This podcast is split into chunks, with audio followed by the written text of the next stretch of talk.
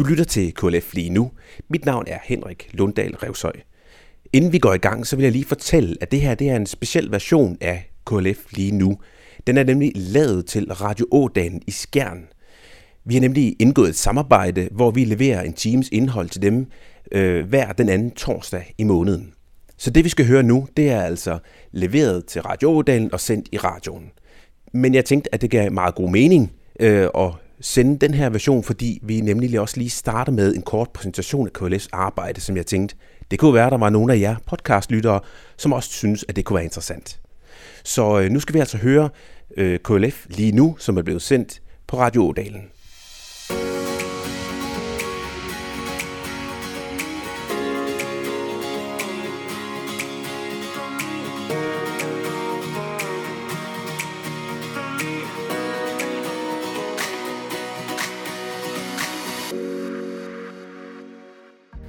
Så byder vi velkommen her til øh, en øh, lille premiere, kan vi godt kalde det. Øh, vi i KLF er rigtig glade for, at øh, vi har fået et samarbejde i gang med Radio Ådalen. Og det går i al sin enkelhed ud på, at vi leverer noget af vores indhold fra vores podcast til Radio Ådalen. Øh, og det kan I lyttere lytte til en gang om måneden. Mit navn er Henrik Lunddal Revsøj, og øh, med i studiet, der har jeg KLF Kirke og Mediers generalsekretær Michael Arndt Laversen. Velkommen til dig. Tak skal du have. Og vi har også vores redaktør med, Stefan Vase. Velkommen til dig også. Tak skal du have. Allerførst, så øh, synes jeg, det vil give rigtig god mening lige at præsentere KLF. Det er jo øh, første gang, at øh, vi ligesom er... Øh, er med her i Radio Ådalen og leverer noget af vores indhold. Så det giver god mening lige at fortælle, hvad det er, vi arbejder med. Og der synes jeg, at øh, jeg vil spille bolden over til dig, Michael. Hvordan vil du, øh, hvis så sådan i ganske få sætninger, beskrive KLF's opgave? Hvad er det, der, der er vores særlige opgave? Jamen, jeg vil gerne dele den i tre dele. Øh, for det første, så har vi lige siden vi blev stiftet for 95 år siden, kæmpet for de kirkelige programmer. Det med at sikre, at der er gudstjenester, men også øh, andre programmer, som på en eller anden måde forholder sig til kirke og kristendom i radio og på tv. Det er, den, det er sådan grundlag, det er der, vi begyndte. Og samtidig med det, så har vi altid arbejdet for den gode etik i medierne, det gode sprog osv., alt der ligger ind under det, vi kan kalde etik. Det nyeste ben, det tredje ben på vores arbejde, det handler om, om at gøre folk til bevidste mediebrugere. Og der tager vi altså fat i, i en hel masse emner omkring digitalisering, brug af skærme, og så videre. Så øh, kirkelige programmer, god etik og mediebrug. Og, øh, og det sidste her med bevidst mediebrug, det, øh, det kører vi alt sammen ind under øh, vores øh, projekt Mediemod. Det næste, øh, som vi jo så lige kan præsentere, som så leder over til den næste del af vores øh, øh afsnit her, det er, at vi har et format i vores podcast, som hedder KLF lige nu. Og det handler i al sin enkelhed om det, som vi arbejder med lige nu, og, og, øh, og de ting, som vi synes er særlig vigtige i medierne at øh, forholde sig til. En af de ting, vi skal, vi skal ind på, det er, at øh, vi har lige været over i København og besøg øh, Copydan Verdens TV, som står bag nabolandskanalerne.dk. Øh, og Stefan, kunne du ikke prøve at øh, sætte på ord på, øh, hvad de laver? Altså det mest, øh, for at begynde med det mest trivielle først, så Copydan Verdens TV, de øh, opkræver afgifter for at sende øh, de her nabolandskanaler, det, det, er egentlig, det er egentlig alle kanaler videre ud til mediebrugerne. Men, det, men det, det, jeg synes er interessant at fortælle om Copydan Verdens TV, det er, at de laver den øh, hjemmeside, der hedder nabolandskanalerne.dk, hvor du kan få øh, programomtaler om øh, programmer, der kommer på SVT1, SVT2, NRK1, ARD og ZDF. Hvis man sætter sig for at lære nabolandskanalerne at kende, så tror jeg faktisk, man finder ud af, at det er måske noget af det øh, kvalitetsindhold, som man måske savner, som man så kan finde på de her kanaler. Og herunder kan man måske nævne øh, nogle af de her gode trosprogrammer, som, som de, er, de er gode til at lave i, i andre lande også, som, som man kunne få glæde af. Bestemt. Altså, øh, øh, både øh, SVT og CDF transmitterer gudstjenester, øh, og så altså, hvis man har interesse i at øh, øh, få gudstjenester fra andre lande, og måske også andre øh, trosamfund, altså for eksempel CDF, de har, øh, de har simpelthen sådan en rotationsordning, Hver anden søndag er det gudstjeneste fra en protestantisk kirke, og hver anden søndag er det en gudstjeneste fra en katolsk kirke. Øh, på ARD lørdag aften er der også et sådan før søndagen program, der minder lidt om før søndagen, som det var tidligere på, på DR. Øh, på, på ARD er det så mere sådan en, en sådan lille andagt, sådan eftertænksom øh, andagt. Og endelig så vil jeg også nævne øh, det program, der hedder Am Sonntag, eller om søndagen på ZDF, der kommer på ZDF 903. Øh, det er sådan et øh, tros- og eksistensprogram. Det er ikke altid, at det er sådan et direkte om tro, men det er ofte sådan et øh, mere sådan eksistentielle vilkår ved det at, at leve i den her verden, som den nu ser ud. Øh, men det synes jeg faktisk, at det, det, det er også værd at, værd at holde øje med. Øh, øh, am Sonntag på CDF 903 hver søndag. Og så vil jeg egentlig gerne tilføje, når vi nu snakker om de her nabolandskanaler, at når man tænker lidt over det, så ligner Danmark jo i højere grad Norge, Sverige og Tyskland, sådan rent kulturelt, end vi ligner måske England og især USA. Øh, så jeg synes, det er, det er rigtig spændende at forholde sig til de her nabolandskanaler og sige, jamen Danmark er mere i familie med Norge, Sverige og Tyskland. Vi bor tæt på, vi har grænser til de her lande, øh, og, og derfor så er det en del af vores kulturområde, kan man sige. Så jeg kunne da godt tænke mig at opfordre folk til at gå ind på nabolandskanalerne.dk og orientere sig, og så se, om ikke der er noget indhold der, man kunne have glæde af. Det er jeg helt overbevist om, der er. Altså, de, de, de har faktisk et, et, et nyhedsbrev, øh, som de udsender øh, cirka hver anden uge øh, med programomtaler. Og hver gang jeg modtager det her nyhedsbrev, så tænker jeg, ej, der er godt nok meget, som øh, jeg egentlig gerne vil, vil se. Altså, de, de formidlede virkelig på en, øh, på en rigtig god måde. Og lige for at supplere det, det, det som Michael siger omkring, at, at deres kultur minder meget om vores øh, Øh, på de her nabolandskanaler. Altså, øh, derhjemme der har vi også nabolandskanaler. Vi har faktisk også en, en tv-pakke, hvor vi får øh, nabolandskanalernes øh, børnekanaler.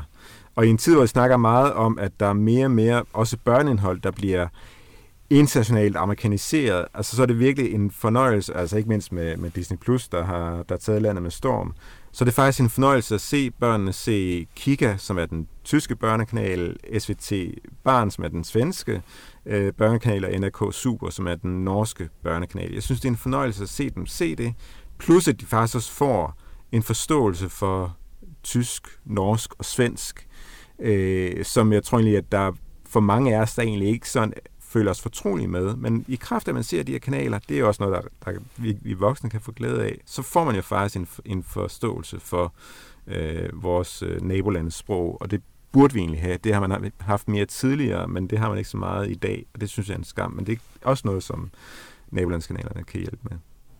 Og en vigtig detalje, eller ikke detalje, men en vigtig pointe, det er jo, at nabolandskanalerne bliver i ret, om, ret omfattende grad tekstet. Altså mange af de programmer, man kan finde på tysk, svensk, norsk tv, er der danske undertekster på. Så ikke nok med, at man kan lære at blive fortrolig med de her sprog, men man kan altså også tilgå det, selvom man måske ikke er super skarp til tysk eller svensk, eller hvad det nu er. Så en rigtig god service, som jeg også meget gerne vil anbefale på det, på det kraftigste.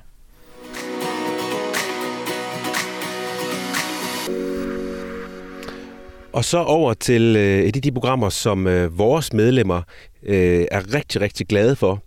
Det er øh, tv-gudstjenesten på DR. Øh, den fortjener også lige en lille omtale her. Øh, og, øh, og nu på søndag, der er der jo sådan en, en øh, kan vi næsten sige efterhånden, folkekær person med. Øh, Stefan, kan du lige øh, introducere, hvad vi kan se frem til på søndag? Altså på søndag, altså først og fremmest, så, så er det værd at glæde sig over, at man nu kan få øh, tv-gudstjenesten både på DR1 søndag formiddag i kirketiden, hvis man ikke selv har mulighed for at komme med, og øh, søndag eftermiddag på DR2 øh, klokken 2.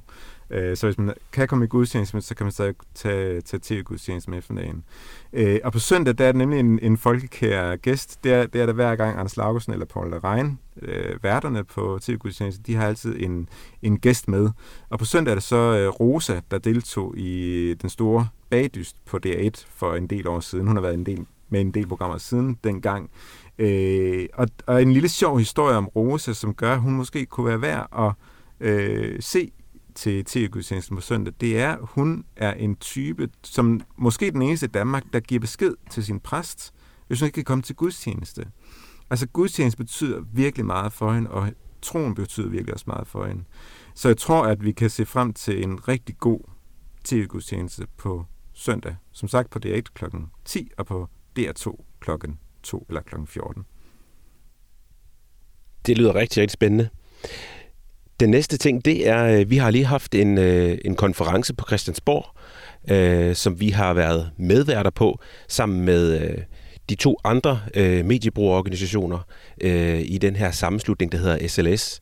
Øh, Michael, kan du fortælle lidt om øh, den her konference, som gik under navnet øh, Hvordan sikrer vi dansk public service? Ja, det kan jeg bestemt. Vi står over for nogle nye medieforhandlinger, og det kan for mange lyde sådan lidt kedeligt og tørt. når så skal, forhandlingerne, så skal politikerne til at forhandle om, om rammerne for, for dansk public service. Men i virkeligheden er det ret afgørende, hvad det er, de her forhandlinger kommer til at gå ud på. Hvad er det for ting, man stiller? Hvad er det for krav, man stiller til for eksempel Danmarks Radio, til TV2-regionerne osv.? Hvad er det, vi vil med vores offentligt betalte øh, mediehuse? Og der er vi en vigtig brik. Der spiller vi en, en rolle. Vi har nogle forskellige forventninger. Det kan vi vende tilbage til.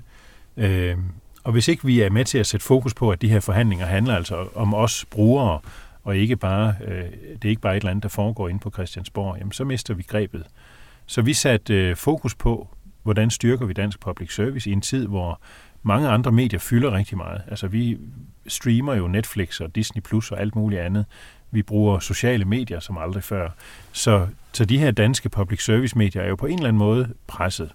Og det vil vi gerne sætte fokus på. Så vi havde inviteret nogle spændende oplægsholdere, og øh, efterfølgende nogle, nogle øh, politikere fra Folketinget til at diskutere det her. Og det synes jeg, vi, vi fik en rigtig god dag ud af. Den næste ting, det er, øh, vi har jo været ude og besøge øh, et produktionsselskab, som står bag øh, rigtig mange af de øh, tv-programmer, som vi kan se på dansk tv. Øh, Mastiff. Og øh, hvad kunne KLF bruge et møde med Mastiff til? For det første, så er det jo godt at blive klogere på de spillere, der er på mediemarkedet. Vi har nogle store offentligt betalte stationer, som skal sende forskelligt indhold. Og der er også stillet nogle krav om, at for eksempel Danmarks Radio og TV2 skal købe indhold produceret af andre end dem selv. Der er Mastiff en af de helt store spillere, og det vi kan bruge sådan et besøg til, det er jo for det første få en, en forbindelse til dem, lære dem at kende, fortælle dem, at KLF er en, en spiller her, og samtidig kan vi også få et billede af, hvad de egentlig er for nogen. Og jeg blev meget overrasket over, hvor store Mastiff egentlig er. Jeg blev overrasket over, at de er en, en øh, global koncern med utallige kæmpestore øh, programkoncepter i deres katalog, øh, øh, som de så kan byde ind med i de forskellige lande, hvor de er aktive. Øh, jeg tror nok, jeg havde sådan et lidt... Øh, ja, måske et naivt billede af, at produktionsmiljøet i Danmark, det er sådan nogle små, selvstændige øh, virksomheder, der producerer et enkelt format eller to. Øh, her mødte vi altså en, en stor medievirksomhed, som producerer Vild med Dans, som producerer Toppen af Poppen, som øh, producerer øh, en lang række reality shows osv. Altså et kæmpe stort firma, som så altså også leverer stof til Danmark. Og så faktisk også Vilde Vidunderlige i Danmark. Altså den, den, den her store uh, naturserie, som D1 viste. Det er ja. faktisk også med stifter, der lavede den. Det er rigtigt. Så, så vi fik en oplevelse af, hvad det vil sige at være produktionsselskab, hvordan man samarbejder med øh, for eksempel Danmarks Radio om naturprogrammerne der, hvor meget blander de sig i produktionen, hvad er øh, samspillet, hvilke udfordringer er der. Og det synes jeg var utrolig spændende, fordi de netop spiller så vigtig en rolle for os brugere, fordi de leverer meget af det indhold, vi godt kan lide. Og så, og så ja. jeg, hvis lige må supplere, øh, øh, jeg synes faktisk, at altså for mig, øh, Michael nævnte det med, at, at, at hans forening, det var sådan lidt, at, at produktionsmiljøet i Danmark, det er sådan nogle relativt små selskaber. Jeg, jeg, jeg er sådan mere sådan den fordom, at, at vi kommer ind og møder nogle drøn kommercielle aktører, der tænker øh, pengebogen først. Altså, de skal, de skal tjene, de skal skovle penge ind.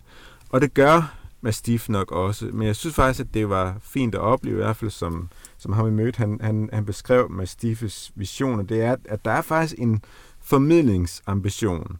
Man kan så måske også sådan øh, problematisere det, at det er måske ikke alle reality-programmer, der nødvendigvis har sådan den store sådan, øh, folkehøjskole-tradition, at vi skal, vi skal lære hinanden at kende, og vi skal møde nogen, der ikke minder om os. Øh, men jeg synes grundlæggende egentlig, det var rart at opleve, at den her danske kultur, den, den faktisk kan leve i et, i et øh, selskab som Mastiff, der er øh, både ekstremt kommercielt og, og meget sådan internationalt orienteret. Så det, det, det, var sådan, det, det, det gjorde mig lidt, lidt glad at høre, at, øh, at Mastiff faktisk også tænker i, ind i sådan en, en, en, en dansk højskoletradition med formidling og oplysning. Hvor man kan sige, at, at der, der er Vilde i Danmark måske et bedre eksempel på det, end diverse reality-programmer, som Mastiff laver. Men der kan man jo også sige, at vi spurgte jo også direkte ind, det var direktøren for selskabet, vi sad sammen med, og vi spurgte direkte ind til, jamen er der programmer, I ikke ville lave? Altså, kunne du forestille dig, at der er noget, I vil sige nej til? Og det sagde han, det er der. Det, det kunne han sagtens forestille sig. Så man kan sige, selvom det er en kommersiel virksomhed, der lever af at producere programkoncepter til andre, så har de altså også en etik med sig, og det kan man så jo altid sætte spørgsmålstegn ved, som du også siger, Stefan. Her er jo en bredde fra, fra naturprogrammer og spændende musik- og kulturprogrammer, og så helt ud i de allertommeste kalorier i, i reality shows, som jeg i hvert fald ikke synes, jeg vil bruge tid på at se. Men de har altså også nogle, nogle overvejelser omkring, hvordan sikrer vi, at, at det her lever op til en vis standard. Øh, så det synes jeg var, var meget øh, spændende at, at møde ham og få et, et indblik i den verden. Men jeg tænker på, hvad, hvad gør det for trostoffet, de programmer, som vi kæmper for, gudstjenester? Ej, det er selvfølgelig ikke, øh, det, dem, dem har vi allerede, men, men nytænkning af nye øh, programkoncepter. Hvad, hvad gør det for, for, øh, for trostoffet der, at øh, Mastiff spiller så stor en rolle? Altså min umiddelbare reaktion på det er jo, at øh, det er sådan set fint, at for eksempel Danmarks Radio får produceret nogle af de her, eller TV2 for den sags skyld, får produceret nogle af de her konceptprogrammer hos Massif. Øh, Øh, jeg, jeg har en idé om, at det frigør noget energi til at tænke i nogle andre retninger internt. Altså jeg har en forventning om, at, at når Danmarks Radio placerer en, en stor natursatsning hos Mastiff, så har man nogle ressourcer til de programmer, som vi prioriterer højt, altså særligt de her trosprogrammer, øh, så man kan producere dem internt. Så jeg håber da på, at Danmarks Radio ved, at de bruger store produktionsselskaber som Mastiff her, øh, formår at, at prioritere deres interne ressourcer på en god måde. Det, mm. vil være, det vil vi i hvert fald holde dem op på. Mm.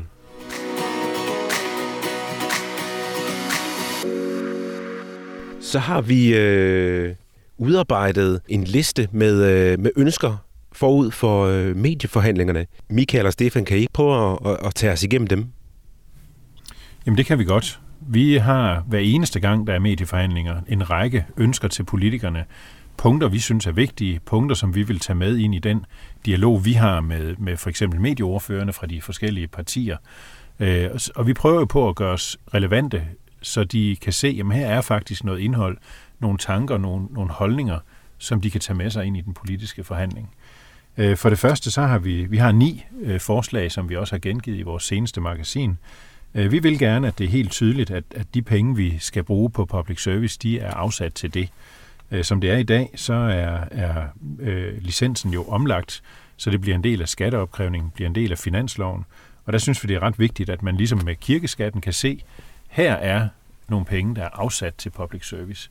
For ellers så bliver det sådan en kastebold mellem politikerne. Så kan man i værste fald forestille sig, at, at det bliver sådan nogle, nogle milliarder, man flytter lidt rundt på til sidst. Så det er i hvert fald et af de vigtige punkter. Øh, så har vi også nogle krav om, at øh, der skal stilles ja, krav til Danmarks Radio og TV2 og TV2-regionerne. Der er nogen, der mener, at vi skal bare give dem frie tøjler, de skal selv udvikle alt, hvad de laver, og vi skal ikke blande os i, i øh, indhold og, og idéer og programmer. Det er vi ikke enige i. Øh, vi synes faktisk, der skal stilles nogle ret specifikke krav, så vi er sikre på, at, at public service netop bliver i fællesskabets tjeneste, altså at der kommer øh, programformater for os alle sammen, og dermed også de kirkelige programmer. Det er i hvert fald øh, et par stykker. Så ved jeg ikke, Stefan, om du har hæftet dig ved nogen, som du lige vil, vil præsentere. Altså, no, noget af det, som, som jeg tænker er, er vigtigt, ikke mindst i denne tid her, det er jo, at, at vi har jo rigtig, rigtig mange øhm, tech-giganter, internationale medieproducenter, der laver streamingtjenester en masse. Altså, du kan næsten ikke åbne en avis, øh, gå ud af gadedøren, uden du støder på reklamer for HBO, Disney+, Plus, Netflix osv. Men jeg tror, midt i det, der tror jeg, der er mange ældre, der føler sig sådan lidt hægtet af, altså som måske ikke føler sig hjemme på streamingtjenester, heller ikke føler, at, at programudbuddet henvender sig til dem, så tror jeg, at der i særlig grad er behov for, at vi har public service medier, der øh, henvender sig øh, med relevante tilbud til ældre, og også øh, udsatte og syge. Altså vi har set under, under øh, coronaen, at, øh, at det er produceret øh, fællessang og, og gudstjeneste, altså fast, fastholdt gudstjeneste i en tid, hvor det faktisk er svært at producere nyt, øh, nye tv-programmer. Og jeg tror virkelig, at for ældre og syge og udsatte, der tror jeg virkelig, at denne type programmer er ekstremt vigtige, og det er ikke programmer, som, øh, som, øh, som andre laver. Så altså, der, der har øh, public, service, public service-medierne herhjemme et, øh, et, et stort ansvar. Og relateret til det, der tænker jeg faktisk også det med, at, at public service-medierne, det er TV2, øh, Radio 4 kunne jeg også godt tage med. Altså, de, de, skal, de skal, har vi skrevet her, de skal prioritere det væsentlige. Prioritere det, som nemlig de her streamingtjenester ikke prioriterer. Så det er dansk historie, dansk sprog, dansk kultur og demokrati. Øh, og her har vi også fra KLF's side et ønske om, at de bliver bedre til at markere de kirkelige højtider og helligdage. Lidt af det, som vi snakker om tidligere omkring øh, øh, nabolandskanalerne, som faktisk rigtig gode til at lave øh, særudsendelser om øh, de, de, de store kirkelige højtider. Der synes vi virkelig, at, at, at der, der, der kunne DRTV2 tage ved lære. Og så har vi i det hele taget et ønske om, at, at de øh, offentligt ejede øh, tv- og øh, kanaler, radiokanaler for den sags skyld også, at de bliver styrket. Altså vi var meget imod den nedskæring, der kom på Danmarks Radio for et par år siden, og mener, at der skal tilføres flere penge til det her område, hvis vi vil sikre, at Danmark som et land øh, bliver ved med at have relevant indhold, der passer til vores sprog og vores kultur og vores måde at tænke på. Så vi vil gerne, at, at Danmarks Radio bliver styrket. Øh, vi vil også gerne, at TV2-regionerne bliver styrket, så vi får øh, mere dansk produceret indhold, der passer til, til os, der bor her i Danmark. Øh, og så har vi faktisk også et forslag om, at man laver en decideret kulturkanal, altså opretter en ny kanal. I sin tid blev DRK jo desværre nedlagt, men vi kunne godt tænke os, at man med forbilledet i den kanal, for eksempel, der hedder Arte, en udenlandsk kanal, øh, tænker kultur ind i et samlet koncept. Så man har en kanal, der handler om kultur. Øh, hvem der skal lave den, hvordan den skal laves, det vil vi måske ikke øh, sådan lægge os helt fast på, men tanken synes vi er rigtig spændende. Og der så jeg faktisk i forbindelse med, med, med, med lukningen af, af DRK, at der faktisk var flere øh, tv distributører, øh, jeg tror det var Boxer, der, der, som i dag hedder Nordlys, der ude at sige, at øh, DRK øh, er faktisk en ret stor succes, når man tænker på den målgruppe, som jo er blandt ældre, øh, som, som har en type programmer, som, som, som, som de gerne vil se, og som nemlig bliver hægtet af i en udvikling, hvor der kommer flere og flere streamingtjenester. Jeg synes faktisk, at, at, at den idé om, om, en, om en ny, ala, ny tv-kanal eller DRK giver, giver rigtig god mening. Ja. Og så kan man sige igen, det her med adgangen til det danske indhold. Altså vi har også et ønske om, at TV2's hovedkanaler, måske TV2 Charlie, måske TV2 News, skulle være frit tilgængelig. I dag er alle TV2's kanaler jo betalingskanaler, som man enten får via sin tv-pakke, eller via et direkte abonnement, som, som på TV2 Play for eksempel. Øh, og vi kunne godt tænke os, at de her, især hovedkanalen, men måske også et par stykker af, af sidekanalerne, blev blev frit tilgængelig. Altså det, øh, så skal der også stilles nogle krav omkring public service, øh, så der er nogle bestemte ting, vi også forventer af TV2. Der er ikke de samme krav til TV2 i dag, som der er til DR. Så mere adgang, direkte adgang til de her kanaler, som, som rummer dansk indhold. Der, der, der pågår jo lige nu øh, en, en, en sag ved EU omkring ulovlig statsstøtte af TV2. Men, men jeg tror ikke, at den, den her, det her forslag her øh, er et problem i forhold til det, så længe det bare er anmeldt til EU, at, øh, at, at TV2 bliver licensfinansieret eller skattefinansieret, eller hvad man skal kalde det. Så tror jeg, jeg tror jeg sagtens, at det, det kan lade sig gøre igen. Altså, der er ikke noget til hinder for det, at, øh, at staten går ind og støtter, at TV2 bliver gratis for alle. Og nemlig, som du siger, hvis man leverer pengene, så er det også, så er det også meget nemmere at stille krav. Fordi hver eneste gang, at der bliver lavet nye public service-aftaler, der er rigtig meget fokus på det, og det er fordi, det er der, at politikerne har mulighed for at stille krav. Det har de ikke i samme omfang til TV2, som godt nok er underlagt public service forpligtelser, men hvis der ikke følger penge med, så bliver det svært at stille sådan øh, præcise og øh, skarpe krav til TV2. Så det vil i den grad give mening at, øh, at, at gøre TV2 gratis for alle igen. Og så kan man sige, at det, det sidste øh, forslag, vi har skrevet her på vores ønskeliste, det er en, en demokratisering af public service-midlerne. Så hvis man i højere grad går ind og siger, ja, vi finansierer TV2 offentligt, øh, ligesom vi gør med DR, så kunne det også være rigtig, rigtig interessant, at vi som brugere fik indflydelse på, hvordan de her kanaler drives, de her mediehuse drives. Så vores forslag er, at der ligesom i TV2-regionerne bliver et repræsentantskab med øh, forskellige sæder til forskellige organisationer, øh, og at repræsentantskabet også vælger bestyrelserne. Så på den måde gør det mere demokratisk, gør det til vores allesammens medier, og ikke til nogle politisk styrede, politisk udvalgte bestyrelser, øh, som vi ikke har indflydelse på. Så der er rigtig mange spændende ting i spil. Øh, og hvor meget er det, vi kan få igennem? Hvor meget er det, vi kan få politikerne til at se ideen i? Det ved vi jo ikke.